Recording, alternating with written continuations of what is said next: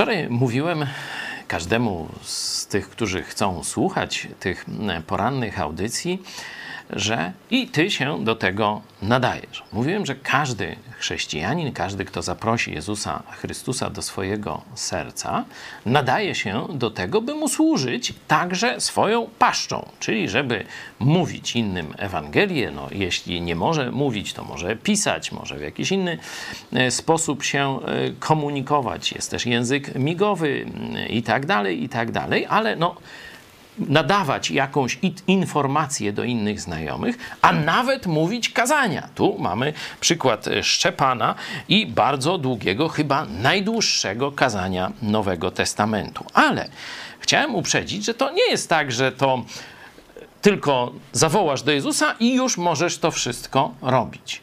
Bóg daje ci potencjał, zdolności i nakaz nawet, żebyś to robił, ale do tego prowadzi pełna, pewna droga. I zobaczmy tę drogę. Ona jest opisana też w tym samym fragmencie, szósty rozdział. E, tu są cechy tych z których jeden z nich właśnie Szczepan mówi to kazanie. Upatrzcie tedy, bracia, spośród siebie siedmiu mężu, mężów, i tu są e, ich cechy, cieszących się zaufaniem, pełnych Ducha Świętego i mądrości. Czyli najpierw musisz sobie zdobyć reputację w kościele. Potem musisz pokazać, że Jezus przez swojego ducha działa w tobie skutecznie i jest błogosławieństwo Twojej służby.